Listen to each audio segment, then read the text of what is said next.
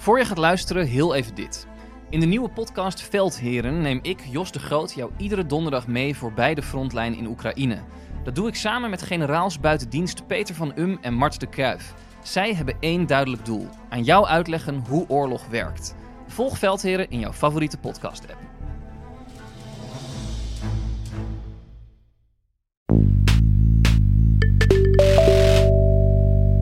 Je ziet dus dat nostalgie uh, in zeg maar, de politiek is dus een verlangen naar een zuiver verleden. Dat was zuiver. En het moet terug worden gebracht, dat verleden, als een soort droom. Als een politiek programma voor we gaan naar een soort, bij een soort heilstaat. Dit is Betrouwbare Bronnen met Jaap Jansen.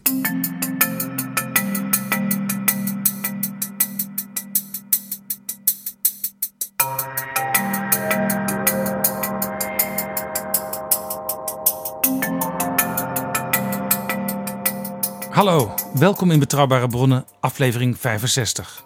En welkom ook PG. Dag Jaap. Waar wil je het deze keer over hebben? Over nostalgie. Nostalgie. Nostalgie in de politiek en de historie. Het verlangen naar de goede oude tijd. En dat is vaak een heel machtig politiek wapen. In de cultuur, in de politiek en dat is al veel ouder, veel ouder dan mensen denken. Jaap Jansen en Pieter Gerrit Kroeger duiken in de politieke geschiedenis. Als wij aan nostalgie denken, dan denk ik wat mij betreft al uh, aan de jaren 60 van de vorige eeuw. Aan de zeezenders.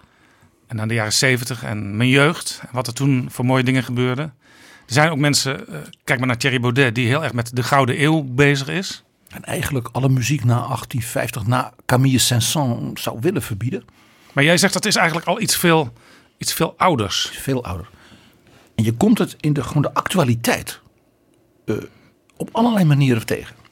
De hele discussie over Zwarte Piet is nostalgie. Hoe uh, de Europarlementariër van het CDA, Annie Schreier-Pierik, praat over onze boeren. Nostalgie. Het gemopper over dat er op de universiteiten zoveel Engelse colleges gegeven worden en het Nederlands gaat teloor. Terwijl de lingua franca van de wetenschap is natuurlijk het Engels. Nostalgie. En vroeger was de wetenschap vaak in het Latijn. Dus heel, heel vroeger en in de 19e eeuw in het Duits. Bijna de echte topwetenschap was in het Duits. Werd niet over geklaagd. Dan de filmpjes, je noemde het al met allemaal malle fouten over de Gouden Eeuw. In al die discussies klinkt dus een verlangen naar een rijk, ook cultureel rijk, ongecompliceerd. Het was helemaal niet zo moeilijk. Eensgezind, een mooi vroeger. Vroeger was alles beter en daar moeten we weer naar terug. En wat dat beter is, is dan interessant. Want dat beter, dat gaat dus uit van een definitie van goed. Nou, zelfs de lieden die tegen de EU zijn, denk ook aan Brexit, ja, bepleiters, die hoor je dan ook vaak zeggen: nee, de EEG, de Europese Economische Gemeenschap, dat was mooi. Daar moeten we naar terug. En bij Brexit zeggen ze dan: we hebben ook voor de EEG gestemd. we gingen in 73 erin, 75 was er een, een, een referendum. Grote meerderheid was voor. En de mensen die nu tegen de EU zijn, de brexit bepleit zeggen, ja maar daar was ik ook voor. Want die EEG, dat was zoiets moois. Die deed alleen maar handelsverdragen en economie. Terwijl we weten dat de Britten altijd een lastige relatie met Europa hadden. En dat het ook best wel de vraag was, moeten wij als Britten wel aansluiting bij die Europese economische gemeenschap willen? En toen ze er eenmaal in zaten, was het niemand minder dan mevrouw Thatcher. We hebben het er een tijdje geleden ook over gehad in de historische rubriek. Die de single market, de act uniek van Jacques Delors, zo enorm steunde. Dus precies weg met al die grenzen, één markt, nieuwe afspraken met elkaar. Daardoor dus uh, dat de Britse bedrijven hè, op het continent overal konden. En je dus echt met elkaar een één groot economisch blok, ook voor de onderhandelingen, de wereld Ja, en in die tijd was Labour vaak uh, sceptisch over al die Europese ontwikkelingen. Zeker, en mensen als Jeremy Corbyn zijn al hun hele leven tegen, tegen de EEG en ook tegen de EU geweest. Het is dus maar hoe je er tegenaan kijkt. Maar het is vooral ook, begrijp ik nu uit jouw verhaal, wat je invalshoek is. En de invalshoek is meestal het heden. En wat je niet aanstaat aan wat er nu gebeurt, wat jouw tegenstanders aan het doen zijn. En dan projecteer je dus een bepaald beeld. Hè, dat is wat ik nostalgie, nostalgie noem. Uit dat verleden. Op het heden. Hè, dus dan ga je nu roepen, die EEG was zo mooi. Terwijl jouw zeg maar, politieke leidsvrouwen, Margaret Thatcher was, die zei: We moeten die EEG, dat moeten we terzijde schuiven. Mijn concept van de single market past geweldig bij dat briljante idee van de acte uniek van Jacques Delors. En zij waren vrienden. Een paar jaar. Weg met de EEG, op weg naar een, een, een Unie. Grappig hè? Nou, je ziet dus dat nostalgie eh, in zeg maar, de politiek is dus een verlangen naar een zuiver verleden. Dat was zuiver. En het moet terug worden gebracht, dat verleden, als een soort droom. Als een politiek programma voor we gaan naar een soort, nou, bij een soort heilstaat. En die is vroeger. Dat idee, Die mooie tijd vroeger toen er nog geen wifi was. bijvoorbeeld. Ja, en dat iedereen één telefoon door de PTT opgehangen had in de gang van zijn woning. Daar hoor je nooit, nooit iemand meer over. En als je verhuisde en een nieuwe aansluiting wilde, moest je een half jaar wachten. Zeker in de tijd toen ik in Brussel ging wonen. Nou, eh, dit is helemaal niet recent. Als je dat misschien soms zou denken, Jaap. Het is letterlijk zo oud als de weg naar Rome. Dat belooft wat. Ja, soms is die nostalgie iets onschuldigs. Een warm gevoel. Bij politieke partijen. Laat, nou de naam Joop den Uyl vallen in de Partij van de Arbeid. Je hoorde Mannix Krop eh, over zijn boek van, eh, over Wim Kok. En over Wim Kok zelf ook steeds meer warme gevoelens. Hè? Terwijl toen hij actief was, werd er ook vaak wel over hem gemord. Dat was wel duidelijk. Hij gaf geen leiding, hij was eh, nurks, hij was directief. Hij snapte de politiek eigenlijk niet. Nou, Den Uyl was natuurlijk een geweldige eh, ja, literator en spreker. Maar zijn leiderschap daarvan, zijn Wim Kok, dat was, zegt Krop, eigenlijk gewoon niet goed. Hij heeft het hem alleen nooit durven zeggen. Maar eigenlijk had hij de PvdA dus op een doodspoor gebracht. En toch, volkomen begrijpelijk, warme gevoelens als men denkt aan ome Joop.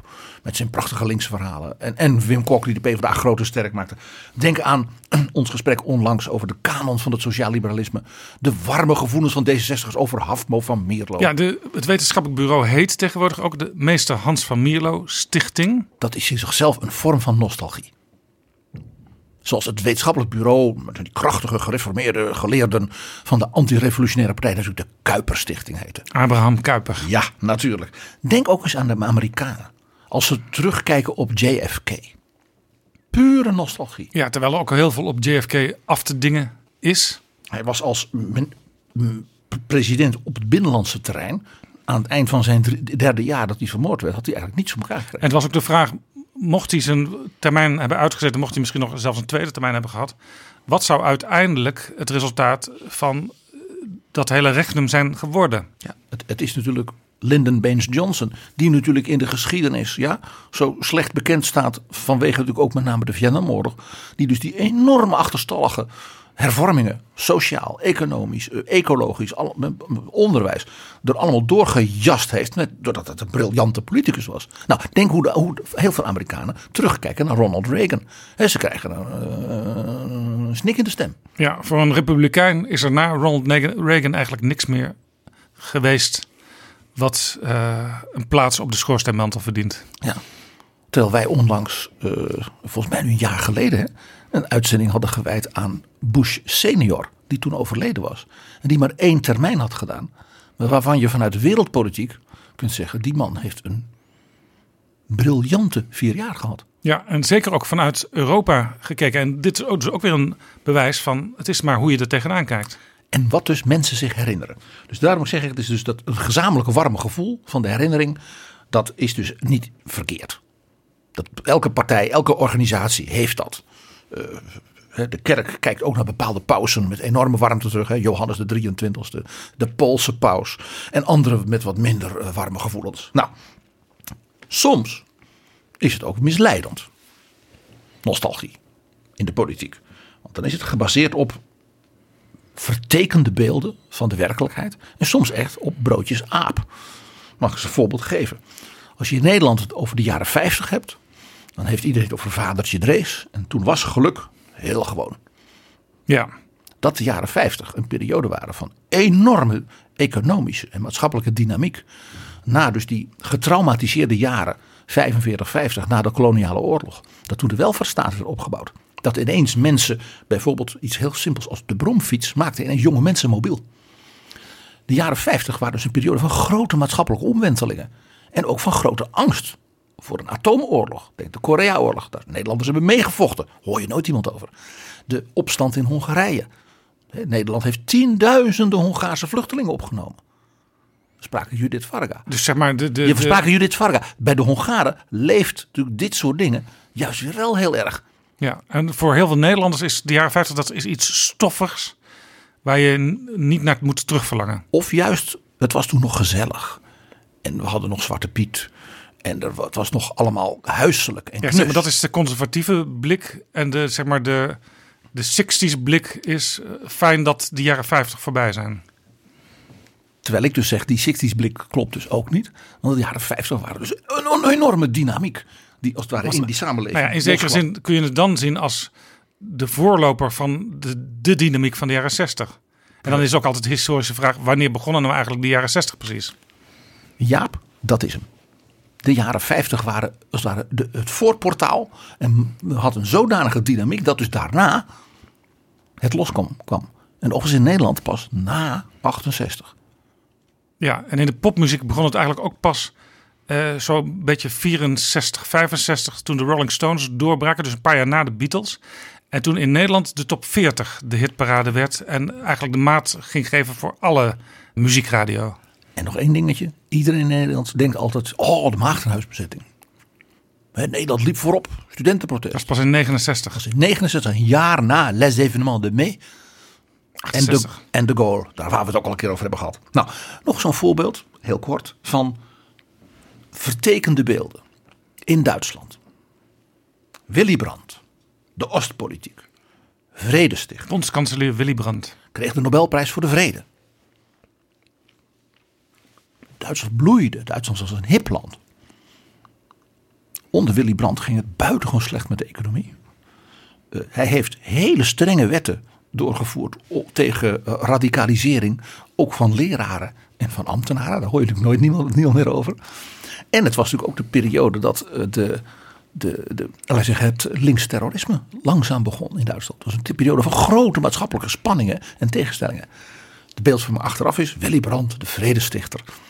De man die Duitsland modern maakte, meer democratie wagen, zoals hij in zijn regeringsverklaring zei. Ja, ook de man naar wie het Willy Brandt House genoemd is. Het, het grote gebouw van de SPD in Duitsland. Waar ook een enorm reusachtig standbeeld van Willy Brandt eh, in de hal staat. Net is dus met de HAFMO van Stichting, de Kuiper Stichting. Inderdaad. Dat is dus een misleidend beeld wat je projecteert. En dat kan dus gevaarlijk zijn. Pechtold heeft op het D66-congres enkele weken geleden... werd hij tot erelid van D66 benoemd... en kreeg hij een borstbeeld van Hans van Mierlo. Eh, dit voorbeeld heb ik niet bedacht. Maar het past werkelijk naadloos in mijn analyse. Nou, ik zei al, het is zo oud als de weg naar Rome. En die weg is heel oud. En die weg is heel oud. Het hele idee van een soort heelstaat, utopische wereld in een verleden. Dat, werd, dat komt uit Griekenland, uit Rome en komt ook in de Bijbel voor. Bij de oude Israël. En hoe noemden de Romeinen dat? De Aurea Etas, de Gouden Eeuw.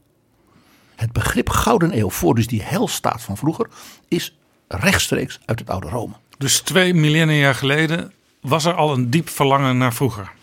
En werd dat dus politiek geprojecteerd. Men geloofde dus dat er aan het begin van Griekenland, aan het begin van Rome, dus in de oertijd van de voorouders, dat alles toen ja, zuiver was. Iedereen was vroom, dapper, eerlijk, heroïs. Helden, Achilles, Romulus en Remus. Heel interessant.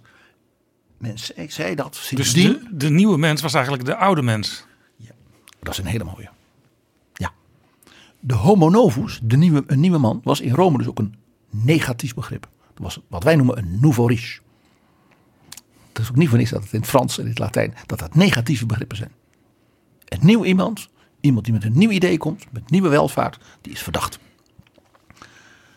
De, de maatschappij, zo was dus de Romeinse en de Griekse gedachte, was dus sindsdien, sinds die heroïsche voorouders, hè, dapper, moedig, eerlijk, sober, ja, is verdorven geraakt. De leiders zijn onbetrouwbaar, de zeden zijn verwilderd. Het geld heerst, de beschaving is weg. Je hoort bepaalde politici van nu. zoals, zoals Bolkestein het ooit had over... we leven in een zwakstroomsamenleving. Dat is volkomen in dezezelfde manier van denken. De hu- huidige tijd, de huidige leiders, de huidige beschaving kan niet goed zijn. Want die is per definitie vergeleken bij die gouden eeuw, de aurea aetas, verdorven, verwilderd. De zeden zijn verwilderd. De vrouwen zijn niet meer kuis. Jawel. Mensen weten hun plaats niet meer. En de gewone man weet zijn plaats niet meer. Zeker, zeker. En over de migranten zult het maar niet hebben. Die moeten dankbaar zijn dat we zo goed voor ze zijn. Ja, ja, dat, deze hele denklijn is dus zo letterlijk zo oud als de weg naar Rome. De Grieken hadden zelfs drie gouden eeuwen in de Griekse cultuur en herinnering. De allereerste is natuurlijk de gou- het gouden Athene van Pericles. Het Athene dat het wereldrijk van Perzië versloeg. De zeeslag bij Salamis. Athene dat dus wel verbrand was door, door koning Xerxes van Perzië. Was wat natuurlijk de wereldheerser van dat moment. De stad Athene was bezet. Maar de Atheners waren gevlucht. En met hun vloot brachten zijn, zijn schepen tot zinken. En toen kon hij niet meer terug. Dus toen moest hij helemaal overland via Turkije. Ja, een smadelijke aftocht. De geschiedenis leert dus Athene overwint uiteindelijk. En is cultureel superieur, heeft democratie. Ja? De Grieken die tot dat dag van vandaag in Europa altijd zeggen: jullie moeten ons helpen en tegemoetkomen. Wij hebben tenslotte de democratie bedacht. En dat hebben, als je- hè, dus de, de Grieken hebben dat dus ook, hè, de, de huidige Grieken, die projecteren dus, eh, laat ik zeggen, hun geldgebrek eh, als ondankbaarheid van de rest van Europa. ik heb dat echt in- ook zelf in, in Brussel in mijn werk in onderhandelingen meegemaakt. Dat durven ze dus met droge ogen gewoon op tafel te leggen Oh, als argument. Ik geef nog één mooi voorbeeld hoe, zeer, hoe levend dat is en hoe dus die nostalgie dus ook in dit geval dus identiteit geeft. Vorige week geloof ik eh, hebben ze een reenactment gedaan. Wie, wie zijn ze? De Grieken. Die hebben op de dag dat het Griekse leger op het strand bij Marathon het daar gelande leger van, de, van die Perzische koningen versloeg. Toen hebben ze dus gedaan wat er toen gebeurde. Meneer Pheidippides die holde toen met het bericht van, hè, van de commandanten naar de stad. Om aan de leiders van de stad en de bevolking van de stad te vertellen: we hebben gewonnen. En dat was die beroemde 42 kilometer en zoveel honderd meter. En dat hebben ze nu nog een keer gedaan. Een vriend van mij heeft dus die hele marathon gelopen. Maar dat, die marathon is in feite een reenactment. Ja. Want dat was het begin van het begrip marathon. En ook het hoog, een van die hoogtepunten van het Gouden Eeuwen. En jij begrijpt, Philippides, dat was de officiële hardloper van de staat. Dat had je in die tijd. Die dus boodschappen kon overbrengen. En die had ook al daarvoor om troepen, De eilbode. de eilbode van de staat eh, Athene. En die had dus daarvoor, was hij in drie dagen van Athene naar Sparta en weer teruggehold. Om de koning van Sparta te smeken, stuur een leger, want de Persen komen eraan. Dus toen moest hij ook nog dit weer lopen. Dus toen hij aan de, bij de poort van Athene kwam, zo gaat het verhaal, stortte hij neer en riep Nike, Nike, overwinning, overwinning en stierf. En daar komt ook het, de naam van het eh gymschoenenmerk vandaan. Dat zou zomaar kunnen. Nike. En daar moet je ook Nike moet zeggen. het is toch wat.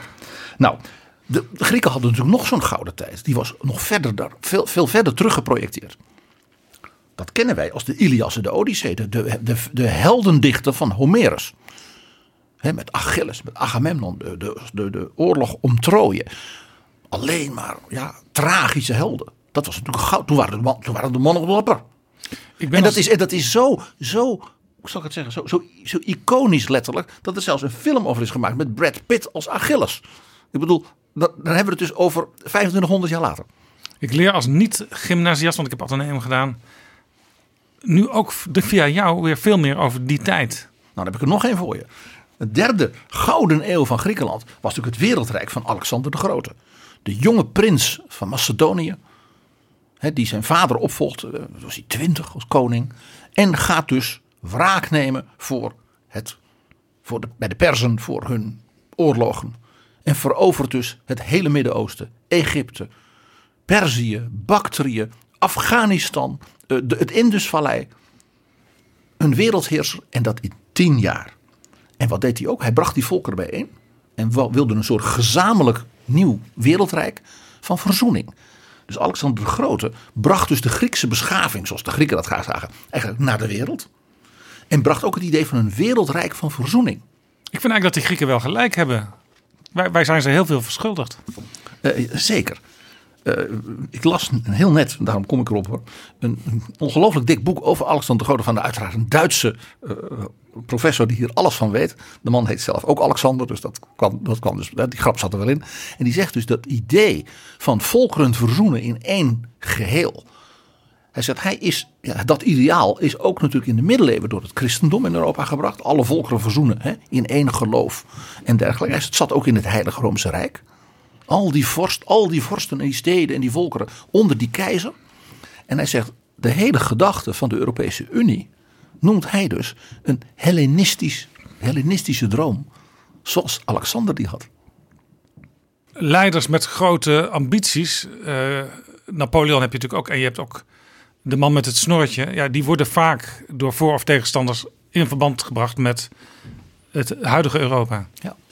Het is heel interessant dat deze man, deze Duitse hoogleraar zegt dat idee van verzoening en gelijkwaardigheid, maar wel in één verband. Waarbij je elkaar ook respecteert. Hè. Alexander de Grote respecteerde alle geloven ook. In die, hè. Hij dwong, dwong ze niet allemaal zuis te doen of zo. Hij zegt dat is in feite een echo daarvan zien we in het Europese idealisme.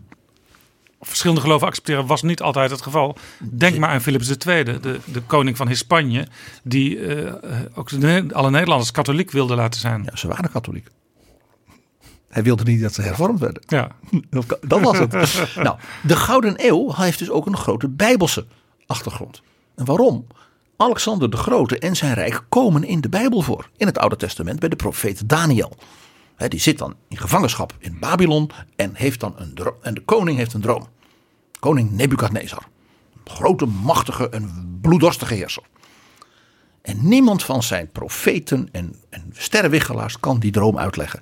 Dit is ook hetzelfde verhaal als over Jozef bij de farao. Dat verhaal komt in feite twee keer voor. Ja. Bij farao ook dus een, een heerser die dus een, als slaaf de Jozef heeft. En Nebukadnezar die dus als slaaf de Joodse Daniel heeft. Dat is heel mooi. Dat is een motief dat dus in die Bijbel terugkomt. Dat dus slaven van machtige heersers die zich almachtig waren, de enige zijn die hun dromen begrijpen. Die dus snappen wat er met hen gaat gebeuren. Zoals ook in allerlei heidense zagen ook weer bepaalde thema's terugkomen die je ook in de Bijbel ziet. Ja, nou, eh, de koning die heeft dus een droom. Heeft dus een enorm godenbeeld met een hoofd van goud, een borst van brons, benen van ijzer en voeten van leem. De reus op lemen voeten is een motief uit de Bijbel. Dat weet niet iedereen. Niemand kon het uitleggen. En de profeet Daniel werd dus voor de koning geroepen. Die zei, kun jij het uitleggen? En hij zei, ja majesteit dat gouden hoofd, het, het ideale heerschappij, dat bent u. Rijkt ook naar de zon. Dat beviel hem zeer. Hij zegt, dat bronzen, die bronzen torso, dat is het rijk dat na u komt. En daarmee bedoelde hij het rijk van de Persen, dat snel daarna Nebukadnezar versloeg en toen het Joodse volk vrij liet teruggaan naar Jeruzalem. Dat kennen wij uit de opera Nabucco van Verdi. We zouden eigenlijk moeten laten klinken, maar toch maar even niet. En dan die ijzeren benen. Dat was Alexander de Grote. Die kwam op ijzeren benen en die verwoestte dat Perzische Rijk. En de lemen voeten, waarna dus alles instortte, de oude goden, dat was natuurlijk het Romeinse Rijk. En de komst van de Messias. Dat een einde zou maken aan de aardse machtsdrift. Dus dat hele idee van die gouden eeuw, die dan voorbij gaat en het wordt al door een beetje minder, komt dus ook in het Oude Testament voor. Kortom, het idee wat wij nu net zo analyseren vanuit het verleden, Griekenland, Rome, zelfs het Oude Testament in Babylon, dat is dus zo 2500 jaar oud. Dus eigenlijk als Thierry Baudet de Gouden Eeuw aanroept, dan moet hij niet die eh, zeilschepen met de Nederlandse driekleur in de mast op zijn affiches zetten, maar een reus op leme voeten. Je zou kunnen zeggen dat wie zo denkt zelf een reus op leme voeten is. Nee, het, het, het idee van dat de 17e eeuw de gouden eeuw is van de Nederlanden, komt uit de 19e eeuw. Toen werd bijvoorbeeld ook Rembrandt herontdekt. Rembrandt was volkomen vergeten. Johannes Vermeer, volkomen vergeten. Dat is allemaal herontdekking van een soort nationale heridentiteit in de 19e eeuw. Sterk romantisch natuurlijk. Ja, en in die tijd kreeg je, kreeg je denk ik ook uh, al die vernoemingen in straatnamen naar de grote zeehelden. Natuurlijk. Dat was, dat was het, het zee-imperium van het Koninkrijk der Nederlanden. Met Indië en alles. Dat projecteerde dat als het ware terug op de Gouden Eeuw. Als een Jan-Peter Balkenende het heeft over de VOC-mentaliteit, dan is dat in feite een 19e eeuwse projectie eh, van ondernemendheid en de, nou, de scheepsjongens van Bontekoe. Ja, want als je, als je de VOC-tijd echt zou en de rol van de VOC echt zou analyseren, dan kom je niet, niet alleen op positieve en voorspoedige zaken terecht. Oh, ook op heel veel wel, maar ook op ongekende uh, rooflust en wat dan niet. Maar ja, dat, dat was altijd zo natuurlijk, overal in de wereld. Uh, maar de VOC, uh, dat beeld van dat dat allemaal met op scheepjes naar Amsterdam voeren en dan hier allemaal tapijten verkochten en peper en zo. ja, dat kwam ook voor. Maar de, de VOC, de macht van de VOC en zijn enorme, ja, ook winsten werden gemaakt in Azië zelf door de scheepvaart tussen Japan en die eilanden en China en bijvoorbeeld het Arabische schiereiland. Als je toen een autoriteit financiële markten zou hebben gehad, dan zou er ook heel veel verboden zijn uitgevaardigd over de werkwijze van de VOC. Ongetwijfeld, ongetwijfeld. Nou, je snapt dus als dat zo diepe, zulke diepe wortels heeft. Bijbelse, eh, eh, het oude Griekenland, het oude Rome, de Aurea Etas. Dan is het niet zo gek dat het een heel sterk, zeg maar, motief is in kunst, literatuur, in religie, in de mentaliteit van mensen. En dus is het politiek. En het is dus daarna ook heel vaak teruggekomen. Als we nu denken dat dat iets van nu is, echt niet. Zal ik eens een paar voorbeelden noemen? Graag. Kerstavond van het jaar 800. Kerstavond van het jaar 800. Het, het komt binnenkort weer kerst. Ja, Denk daar. Heel actueel. Zeer actueel. Toen werd het Romeinse Rijk hersteld. Dat was dus toen al. Hè? 400 jaar verdwenen. Paus Leo, die kroonde in Rome het stamhoofd van de Franken, Karel, tot Caesar. Dus hij zette hem een kroon op het hoofd en hij noemde hem Caesar. Naar de oude Caesar en tegelijkertijd het woord keizer. Daar komt het woord keizer van, uit het Duits. En het woord tsaar in het Russisch. Helemaal geen toeval dus. Want dat zijn beide, zowel Duitsland als, als, als, als Rusland, hadden natuurlijk dat idee van Alexander de Grote en van, de, van Rome, van een keizer van heel veel volkeren, ja, die dus een wereldmacht moest zijn. Dus dat zijn, dat zijn dus, e, die nostalgie is ook een, een echo tegelijkertijd.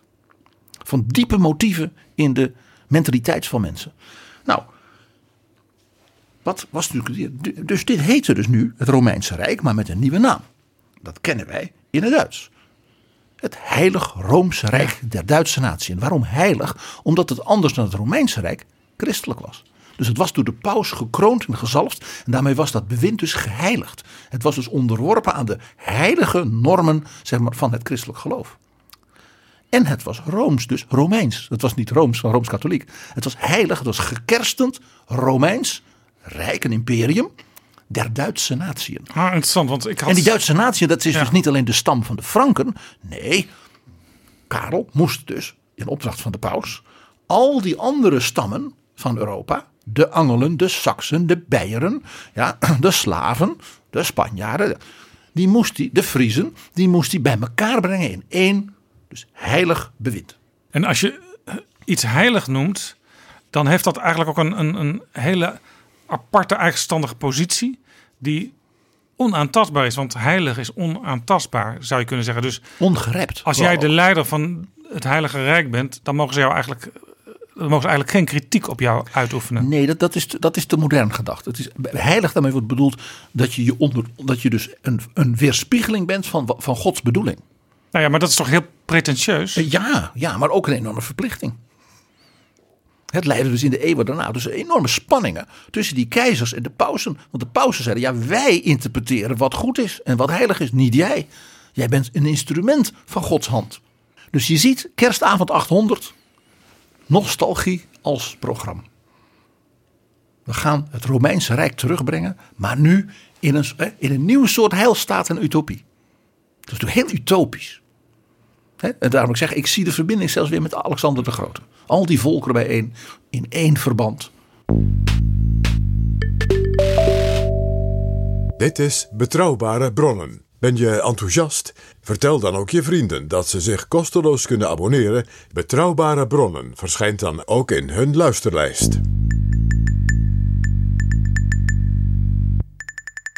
Tweede voorbeeld. Iets wat iedereen kent. De glorietijd van Florence, Siena, Urbino, Ferrara, Venetië. Juist. De Rinascimento. De Renaissance. Wat betekent dat? Wedergeboorte. Een terugkeer dus. Opnieuw wordt geboren de kunst, de wetenschap, de cultuur van het oude Hellas en Rome. Het Renaissance Instituut Je zegt het. van Thierry Baudet. De eigen tijd was een tijd van verwildering, van corruptie in de kerk, de Borgia's, hele televisieseries erover. Hoe slecht het allemaal was. Men verlangde dus terug naar een zuiver en mooi klassiek verleden. In Duitsland, in ongeveer dezelfde periode, heb je iets wat de reformatie werd genoemd, de hervorming. Wat wilden Luther, Zwingli, Melanchthon, Calvijn? Die wilden het ware, oude, vrome, sobere geloof van de apostelen, van Paulus, van de eerste christelijke gemeenten. Een complete, dus ook weer een terug laten keren van die tijd dat, van de eerste volgelingen van Jezus die nog zuiver waren in hun geloof Terug naar het geloof zoals het bedoeld is. naar de eerste christengemeenten. Vandaar dus ook dat bij de protestanten, dus die apostel Paulus en die brieven van hem in het Nieuwe Testament, zo'n enorme betekenis kregen, ook politiek. Romeinen 13, de overheid draagt het zwaard niet te vergeefs. Alle antirevolutionairen, alle SGP'ers kunnen het uit hun hoofd. En vandaar ook het, zeg maar, democratische element zoals je nu naar het protestantisme kunt kijken, vergeleken met het katholicisme. Want het, eh, Jezus en zijn volgelingen was ook een, een klein democratisch groepje, zou je kunnen zeggen. En die gemeenten, hè, zoals dat zegt, zij bezaten alles in de gemeenschap. Dat waren communistische cellen. Waarin iedereen gelijk was, waarin ook vrouwen dus een gerespecteerde rol hadden. Dat dus elementen van zeg maar, de liberale democratie zijn natuurlijk in hoge mate verbonden met de reformatie en de renaissance samen. En die waren dus alle twee in feite een terugverlangen strategie om terug te gaan naar zeg maar, je oerbron en een zuiver verleden. En ik vind zelf altijd het allermooiste voorbeeld hoe die twee elkaar dan vinden. Denk eens aan die Joodse herdersjongen. Die natuurlijk iedere hè, eh, Jood en christen kent. Die dan als een naakte Apollo wordt gebeeldhouwd door Michelangelo. En het, het zinnenbeeld is van de vrijheid en de rebelsheid en het nieuwe leven De David. de David. Ik durf te wedden dat die David, die herdersjongen uit Bethlehem, er zo niet uitzag. Misschien was het ook een mooie jongen, maar zo'n mooie jongen? Nee. Dat is prachtig. Hier zie je dus hoe dus die beide nostalgieën, ja, naar zuiverheid in het geloof en in het streven naar vrijheid en, en van het, laat zeggen, de ultieme zeg maar, Griekse kunstverbeelding als ware fuseren. In Ja. de handen van Michelangelo, die dat enorme stuk marmer, waar niemand van wist wat ze met dat brok moesten doen. Hij zag daar die jongen in zitten. Nou, de Renaissance is dus ook zo'n nostalgie. Ja, empowerment bijna, zou ik zeggen. Nog een voorbeeld. Ons plakkaat van verlatingen. Het plakkaat van verlatingen. Vaak in de discussie. We hebben het er eh, in het kader ook van eh, onze koningen, Spaanse koningen, onlangs in Betrouwbare Bron ook over gehad. Ja, het ligt in het eh, Nationaal Archief in Den Haag. Ja, Obama is daar ook wezen kijken naar het Ja. plakkaat. Dat wilde hij absoluut zien toen hij in Nederland was. hoogleraar staatsrecht in Chicago. Wist dus hoe ongelooflijk belangrijk dit was voor de Amerikaanse onafhankelijkheidsstrijd streven en denken. En uiteindelijk ook voor hun grondwet. En de Declaration of Independence. Ondenkbaar zonder het plakkaat. Nou, dus dan zeg je, dat was een hele modern, ja. Die steden in eh, de Nederlanden, die wilden dus een republiek. En met VVMU, en dan kwam de VOC uit. Wel, nee. We hebben het erover gehad. Het waren de edelen en de stadsbesturen die boos waren dat de koning van Spanje wilde moderniseren, uniformeren. Eén belastingssysteem, één heldere regel voor iedereen. De rijken moesten dus nu ook belasting gaan betalen. Nou, wacht even, wacht even. Uh, uh, ze wilden hun oude rechten uit de middeleeuwen terug. Het was dus, we willen terug naar de goede oude tijd. Toen wij het nog voor het zeggen hadden. En toen gelukkig nog heel gewoon. Dat is voor een beperkt, beperkt deel van de bevolking. He, dus de, de, gouden tijd van het Beierse huis. Graaf Albrecht van Beieren, weet je nog, die op het Binnenhof woonde. Uh, de, het Bourgondische huis. Dat waren de voorvaderen dus van Philips II. Dat waren goede heersers. Philips de Goede, het woord zegt dat al. Die overlegden met ons. En dan deelden we en dan hielden we onze rechten. En dan kreeg hij een beetje meer belasting. Maar die koning zit daar, die zit daar de Escoriaal. Ja, in, in dat hele kleine kamertje. En die zit hij drie, uh, 17 uur per dag te regeren. Zoals we weten, hè, dankzij Jeffrey Parker. En die zit alles te moderniseren en te uniformeren.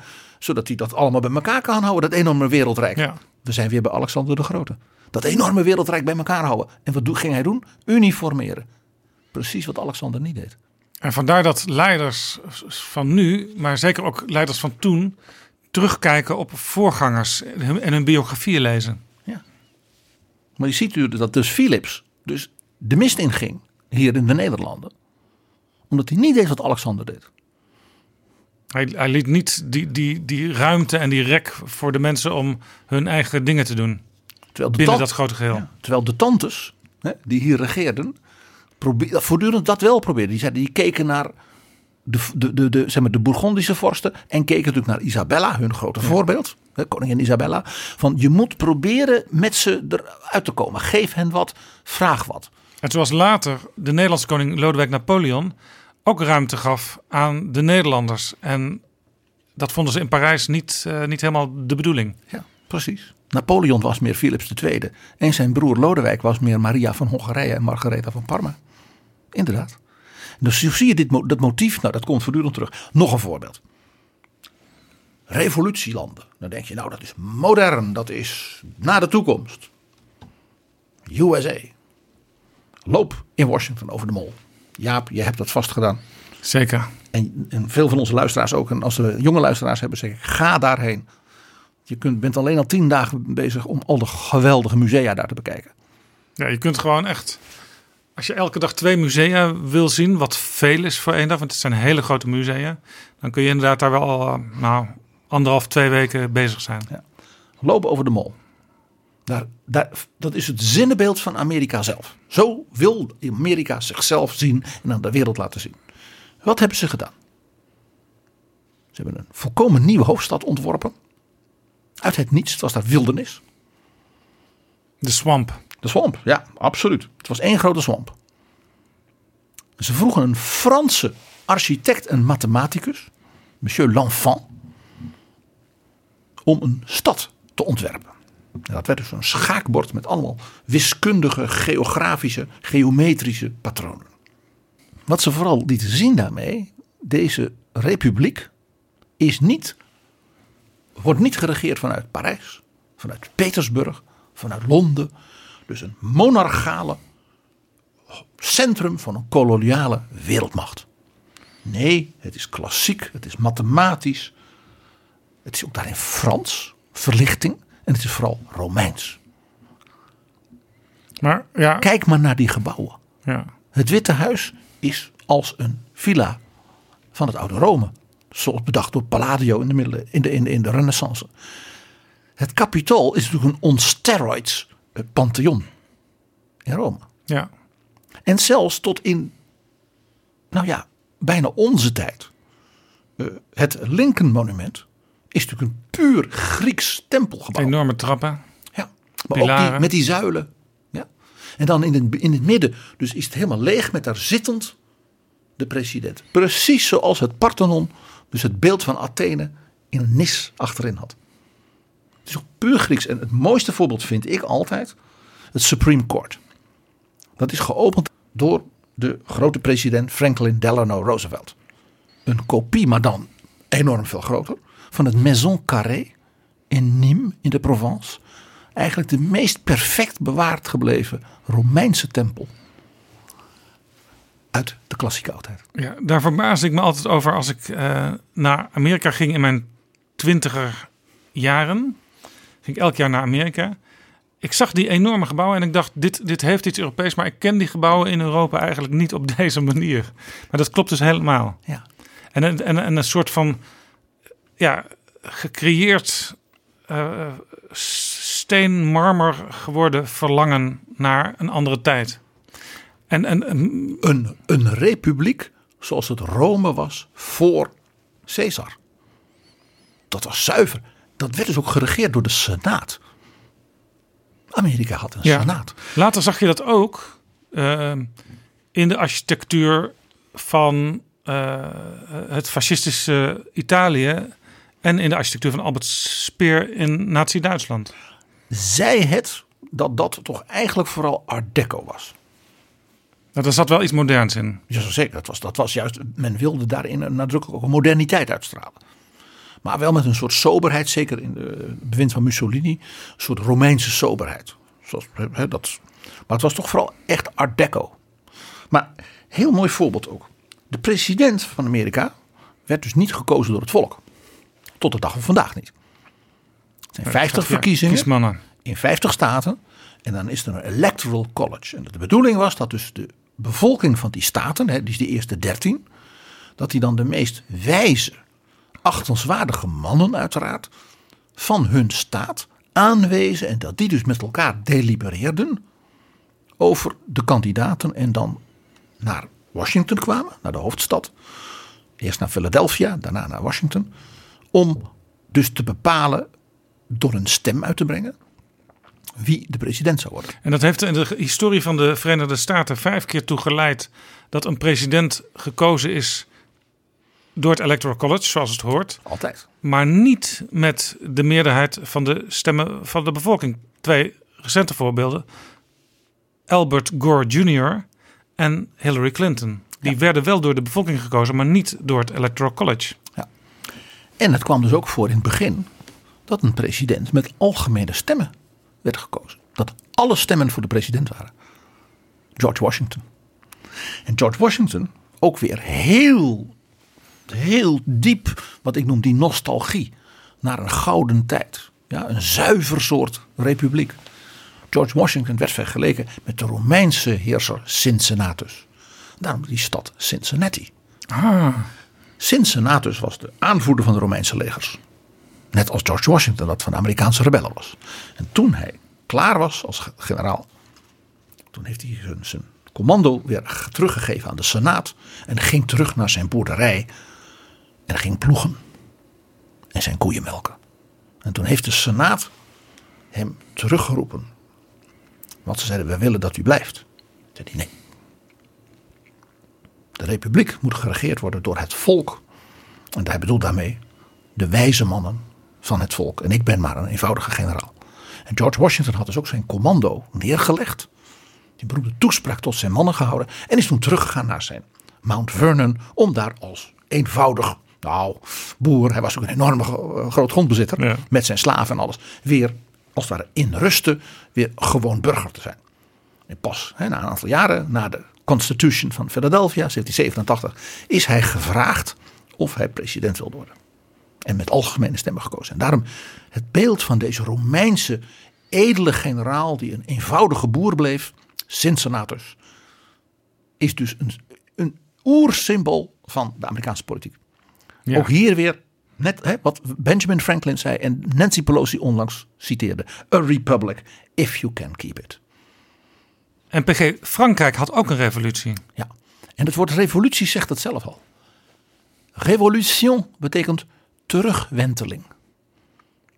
We willen dus een, het goede verleden, de ideale tijd. De aurea etas terug. En wat deed dus de Franse revolutie na een genocidale fase? Toen was er een staatsgreep een jonge luitenant van de artillerie uit Corsica. Napoleon Bonaparte. En welke titel gaf hij zichzelf? Consul. Consul. Van de Republiek. Ik bedoel, De raadgever. Romeins. De, de Senaat koos elk jaar twee consuls. Altijd twee. Dus Napoleon had ook een collega-consul. Die, die deed de financiën. Hij deed de macht. Dat was Rome. Ik moet bij consul tegenwoordig altijd denken aan consultants, de, de mannen in de blauwe pakken. Omdat een consul dus iemand is die raad geeft. Die dus de Senaat zogenaamd raad gaf. De Senaat regeerde.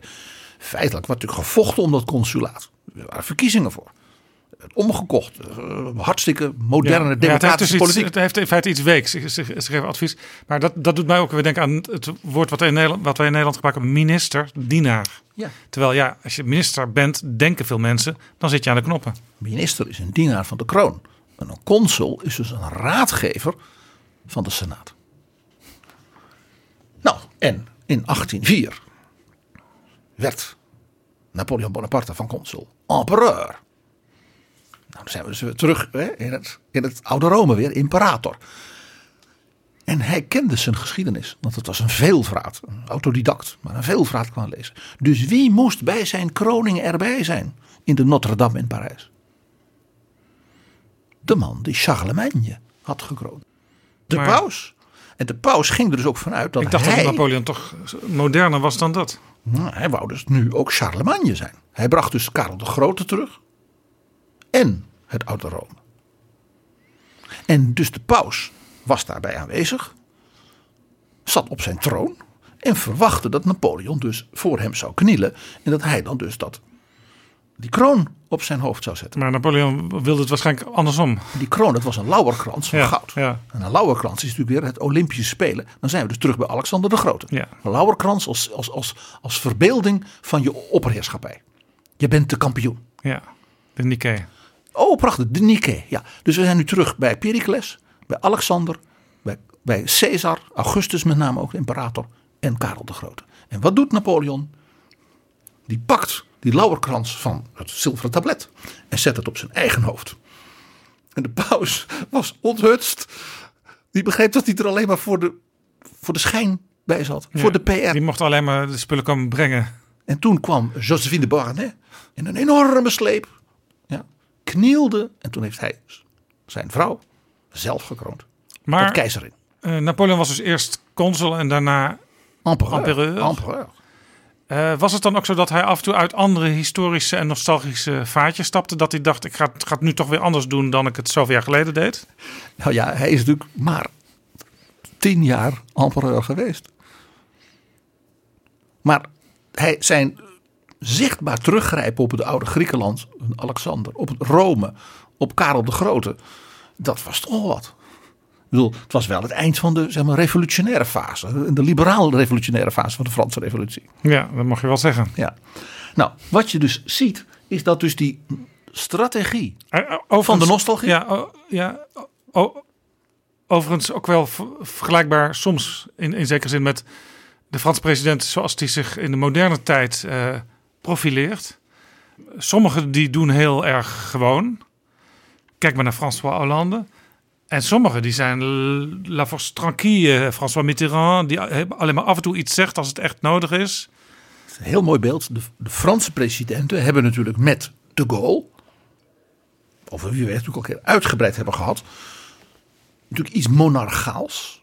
En ook inderdaad iets bonapartistisch teruggebracht. Ja, Want de Franse president is ook de, ja, de generaal. Terwijl ze tegelijkertijd het het hoofd van het leger. Van, hij heeft een atoombom. Terwijl ze eerst en vooral ook het symbool van de democratie zijn. Zijn ze ook.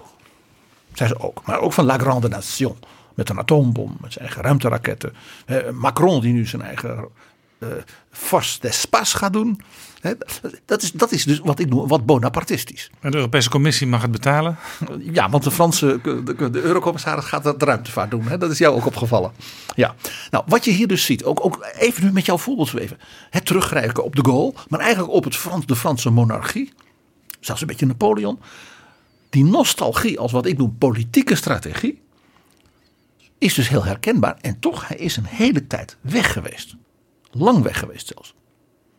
Want na zeg maar, de periode 1945-1950 wilde niemand in Europa terug naar vroeger.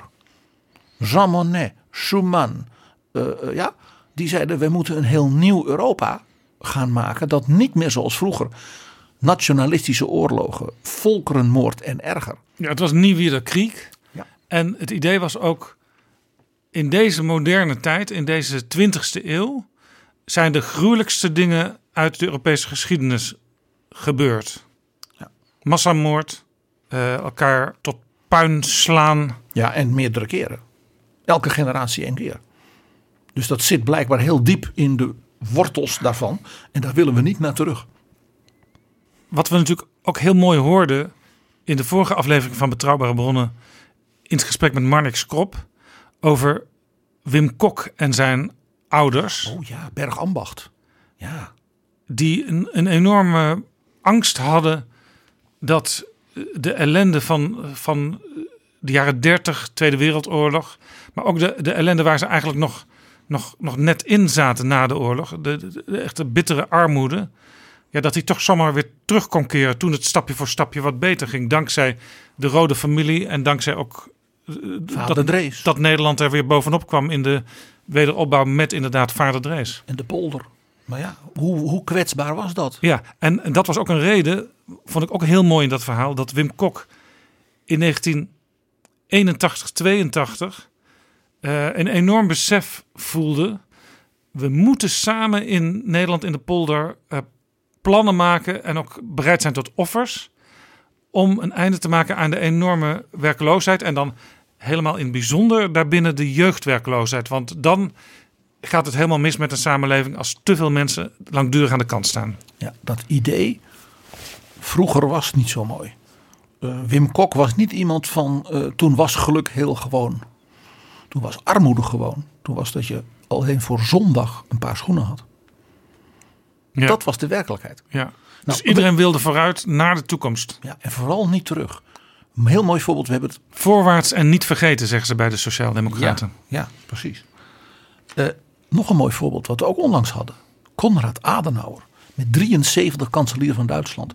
En al die tijd, 14 jaar bleef hij. Want hij vond dat hij niet. Hij vond zichzelf onvervangbaar. Daar zat ook een stuk angst in. Angst voor zijn Duitse volk. Dat hij zei, ze zijn niet zomaar in één keer bekeerd. Die geest goede- is niet helemaal terug in de fles. En goede democraat. En eh, dat duurt misschien nog wel veel langer. Dus ik moet vooral heel oud worden. En heel lang aan de macht blijven. Nou, dat was dus ook zo. Want je weet het maar nooit wat er daarna gebeurt. Ook dat was dus, ook dat Nieuwiederkrieg. Maar ook nooit meer dat verleden. Dat, ook Ja. daarvoor. Het, het autoritaire, het militarisme. Ja? Dat is, dat is interessant. Dus de, de, de jonge Wim Kok inderdaad de tiener Wim Kok en zijn ouders. En de hoogbejaarde Duitse kanselier, die dus hetzelfde gevoel deelden. Nou, eh, in de jaren zestig natuurlijk, eh, denk even aan de sociaal-liberale kanon. Het idee van, van Mierlo en de zijne, we gaan de zuilen opblazen. En al die oude instituties, die Ja, polder, dat moet allemaal. Definitief komaf ermee maken. Ja. Dus helemaal niet, we gaan als het ware naar een goede oude tijd terug. Maar En, nieuwe, en, en zelfs niet het idee van eh, het goede van dat oude behouden, voor zover dat er is. Maar echt totale vernietiging van het bestaande. Hè? De, de ontploffing van het bestel werd het genoemd. het afschaffen van de, de bestaande democratie. En dat was zelfs zo'n... twee partijenstelsel, districtstelsel. Het was zelfs zo'n heilsbeeld voor de oprichters van D66... dat ze bereid waren hun eigen partij weer op te heffen... zodra die ontploffing gerealiseerd was. Nou, een soort collateral damage. Ja, nou, dit is fundamenteel veranderd. Zeg ik er eens bij, is mijn analyse. Dus kritische kanttekeningen zijn welkom. Met de val van de muur, die we natuurlijk onlangs herdachten. En de toenkomst van zeg maar, die, ja, de globale wereld.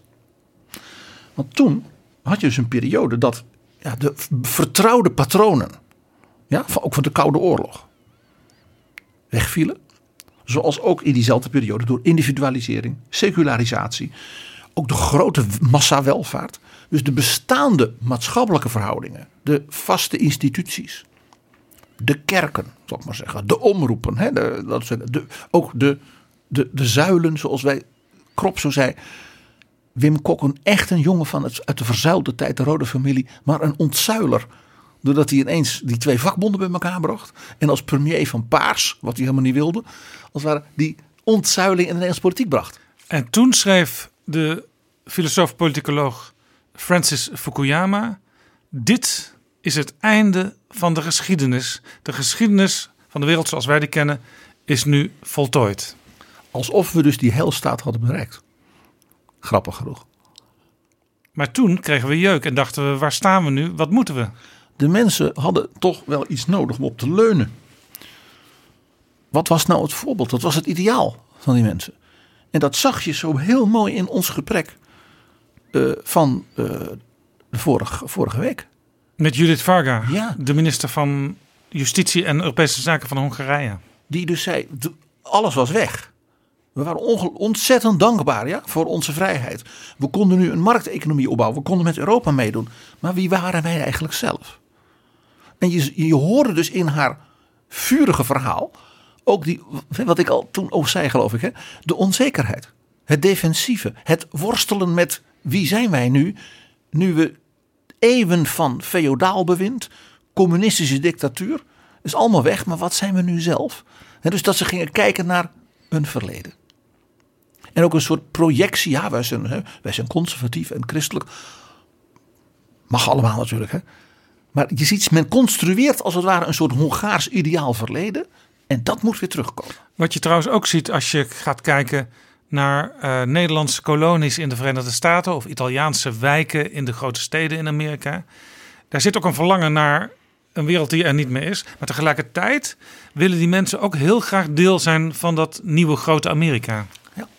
De, de, de, de Hongaren, de Polen, de Tsjechen, de Slowaken, de Balten. zijn allemaal op hun manier bezig. Dus in dat grote Europa hun plek te vinden. Waarbij ze en zichzelf willen zijn en voluit mee willen doen. En het ene land doet dat op een manier die ons misschien meer aanspreekt dan het andere land. Maar ze moeten het uiteindelijk op hun manier doen. Als je democraat bent, moet je zeggen, die Hongaren zullen het zelf moeten uitvinden. En Net als de Esten en de Letten en de, de Litouwers. En zoals de Portugezen het met Mario Soares en zijn vrouw waar we het over hebben gehad. Ook Portugal moest zichzelf ook weer opnieuw vinden. Ja, en je, het is mooi dat ze, dat ze in ieder geval dat binnen Europa willen, willen eh, uitvogelen waar ze zijn en waar ze vandaan komen en waar ze naartoe willen. Want er zijn ook landen die ja, de weg kwijt zijn en het niet meer vinden en dus denken, misschien moeten wij wel uit Europa, de Britten. Ja, nou ja, het was geloof ik de Amerikaanse eh, minister van Buitenlandse Zaken in de jaren 50 van Truman. Die zo prachtig zei, the United Kingdom has lost an empire, but has never found a role. Het is een imperium kwijt, maar heeft geen rol gevonden. Dat is natuurlijk wat je bij Brexit ziet. En wat je dus ziet, is mijn conclusie, hier in dit verband, is dat identiteitspolitiek, zoals we dat dan nu noemen, hè, dat dat in de kern in wezen dit is. Men voelt geen ideaal, men geen geen geloof of houvast meer. Maar men heeft ook geen nieuwe rol of fundament gevonden. Ja, Dan wil ik één nuance maken voor de doordenking. Bij dus dat denken over identiteitspolitiek en wat ik dus noem nostalgie als strategie. Niet alles is daarin politiek. Of ik zal maar zeggen een soort exclusieve, dus anderen uitsluitende identiteit. Er zijn drie vormen van wat ik maar noem nostalgie als samenlevingskracht. Dat is een beleving van identiteiten die binden. Tweede, de- een cultuur van herinnering en bezinning. En als derde, de nostalgie als echt politieke machtsstrategie. ja, en dat hoeft dus ook niet per definitie slecht te zijn als je op deze manier naar het gebruik van nostalgie kijkt. Het hoeft niet slecht te zijn, maar ik, ik zal je uit de voorbeelden die ik nu kort aanstip laten zien waar, waar ik dan aan denk en waar ik dus wel zeg van pas daar nou wel even op. Ja. Nou, ik begin bij belevingen die binden. dat, dat we als groep het idee wij horen bij elkaar, wij voelen ons één op bepaalde verbonden. momenten. Verbonden. Wij delen dingen die we samen heel belangrijk vinden. Eh, Wat ik zelf het prachtigste voorbeeld vind in het Europa van nu, is het jaarlijkse zangfeest van de Finnen en de Esten. De Finnen en de Esten zaten natuurlijk in de 19e eeuw in het Tsarenrijk Ja. en werden natuurlijk ja, autoritair, Russisch, autocratisch bestuurd. Ja, en allebei aan de andere kant van de zee. Dus ze kijken in feite op elkaars land uit. En de Esten en de Finnen hebben in hoge mate eenzelfde taal. En dat is een hele moeilijke, ingewikkelde taal die van ver buiten Europa komt. Die komt diep uit Siberië. En eigenlijk niemand om hen heen verstaat die taal. Om maar even zo te zeggen. Het is geen Russisch, het is geen Litouws, het is geen Zweeds. Het is helemaal iets van hen. En dat maakt dat ze heel goed samen kunnen zingen. En ze hebben dus heel veel taal en cultuur en vooral ook zang gemeen. Want het zijn enorme zingende landen, ook door het koude weer. Dus dan ga je bij elkaar zitten en je gaat zingen. Daarbij bovendien een grote Lutherse protestantse traditie. Waarbij dus het zingen van psalmen natuurlijk ook een belangrijk, eh, eh, eh, laat ik zeggen, een soort verbindend element is. Dus wat deden zij in de 19e eeuw? Overal in die landen waren, werden er koren opgericht. Kwam natuurlijk ook doordat het, de mobiliteit nam toe. Je kon met de trein. Dus mensen gingen bij elkaar en ze gingen dus in het Ests en het Fins zingen. Dus ze vertaalden ook de Matthäus Passion in het Fins. En dus enorme zangcultuur. En dat mocht van de tsaar. Ja, want dat was, nou ja, ze mochten hun godsdienst al wel. Ze werden niet verplicht om Russisch-orthodox te worden. En dat was dus als ware het bindende tegenover het regime. En dat is ook heel grappig. De, de, de opstand van de Finnen tegen de tsaar, waardoor ze een onafhankelijke republiek werden in 1918, dus net de Finnen dat groots gevierd. Dat werd georganiseerd door de besturen van al die koren. En de studentenverenigingen die die koren dan eh, Ja, de kantes. Ja, dat is heel grappig. Ik was ooit in het hoofdkantoor van de studentenvakbond in Helsinki. Een vriend van mij was daar de voorzitter van.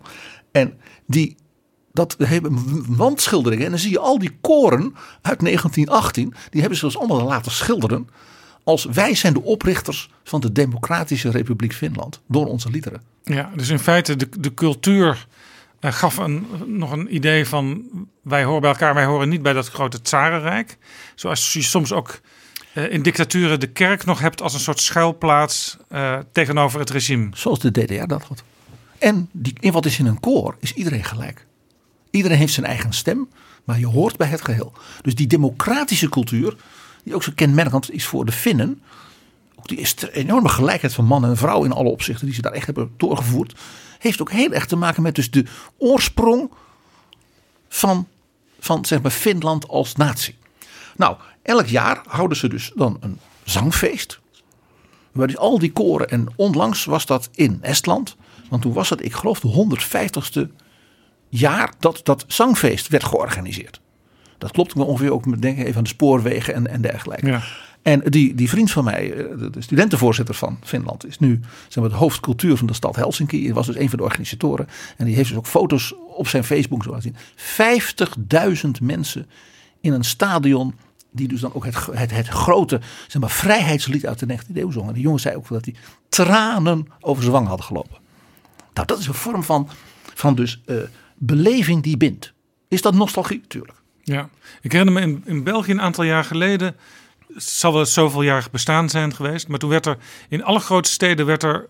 eh, volgens, ik weet niet of het een lied was, maar er werd in ieder geval gedanst.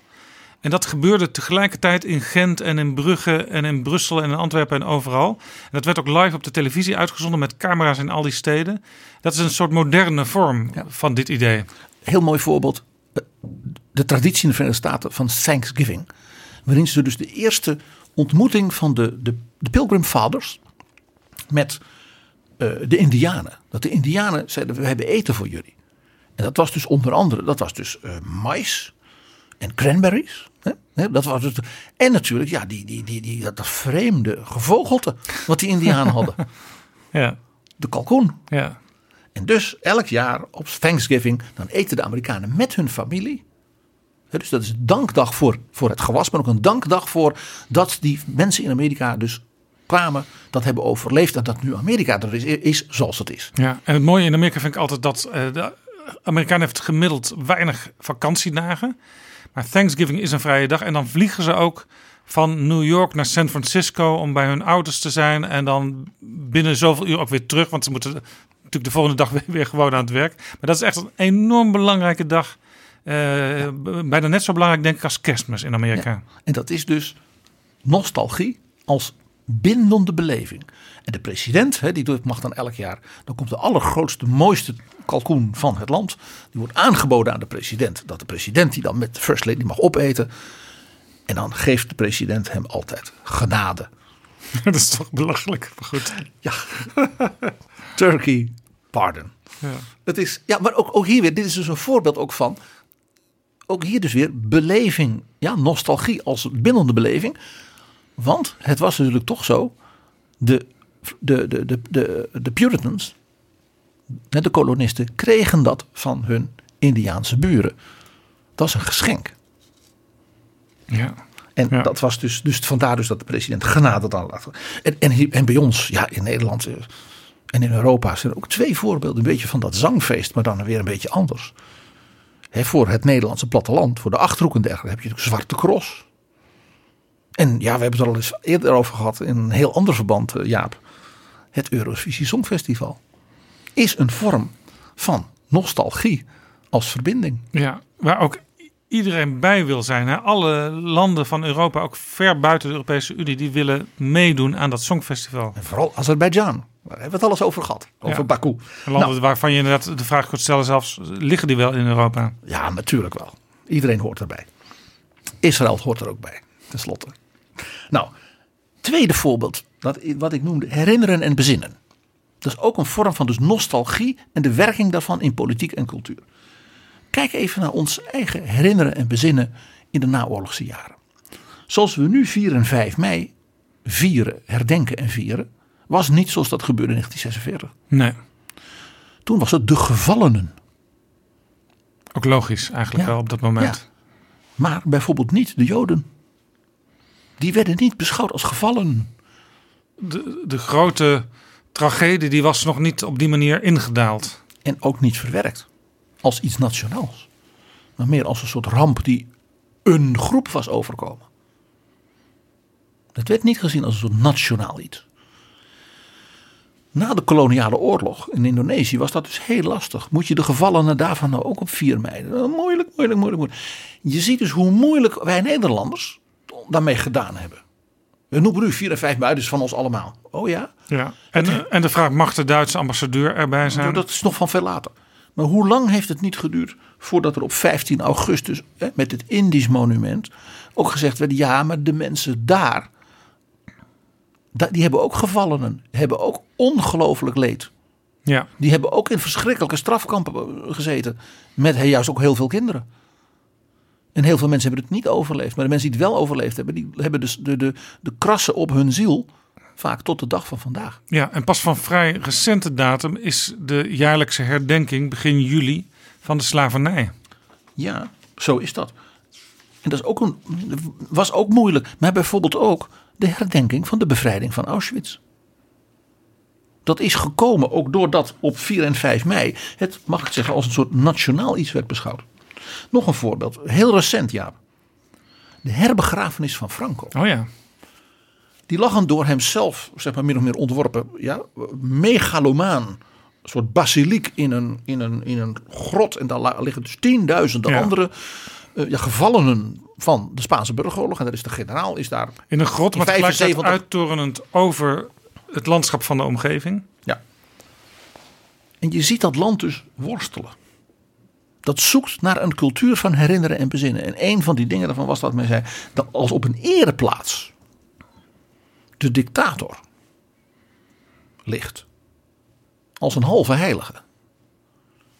Dat, dat, dat, dat, kn- dat, dat knaagt aan mensen, aan miljoenen mensen. Er wordt nog, nog bijna wekelijks in Spanje bij bijvoorbeeld, bij, bijvoorbeeld graafwerkzaamheden. dus niet bekende massagraven uit de Botten. burgeroorlog gevonden. Er zijn dus honderdduizenden Spaanse families die zeggen van waar is onze neef, waar is onze opa, waar is onze opa. Dus bij wijze van spreken, als er ergens ehm, land gereed wordt gemaakt om nieuwe eh, gebouwen op neer te zetten, Metro's. dan wordt er gegraven en dan vindt men nog wel eens wat. Dat land zoekt dus nog steeds. Dus eh, in Nederland kijken we, zijn er nog muntjes te vinden of bordjes of lepeltjes, maar daar zien ze de botten van de overledenen. En word je dus geconfronteerd met een levend verleden. Wat niet verwerkt is. Moeilijk verwerkt. Ja, en tegelijkertijd wordt een partij als de PSOE, de Spaanse Socialistische Partij, kwalijk genomen dat ze net voor de verkiezingen nog eventjes eh, die herbegrafenis van Franco willen doorduwen. Dat het dus een, gewoon een actueel politiek ding is. Zoiets is altijd politiek. Herinneren en bezinnen, vandaar dat ik zeg het is een andere vorm van hoe nostalgie, hoe dat verleden doorwerkt, is altijd ook politiek. Je ziet, dat, je ziet dus dat in Spanje is het zwijgen over die tijd nu voorbij. Men kon nu gewoon openlijk zeggen dat de rechter zei ja, eh, generaal Franco moet worden herbegraven. En dat de rechter dat heeft goed gevonden. De familie is in, hè, in Ja. beroep gegaan. Hele andere situatie in Spanje na het afscheid van de dictatuur dan bijvoorbeeld het afscheid van de apartheid in Zuid-Afrika, waar ze een waarheidscommissie hebben gehad. Ja, dat was dus een hele, hele gedurfde manier om daarmee om te gaan. Hè, met, met, met, met- waar natuurlijk een man als bisschop Tutu ook door zijn persoonlijkheid en de, mag ik zeggen, de zuiverheid waarmee hij daar mee omging en ook de ruimte die hij liet voor de mensen hun verdriet. En Ja. ook zijn persoonlijke emotie. Dat, dat, dat, dat had dus een, een helende werking.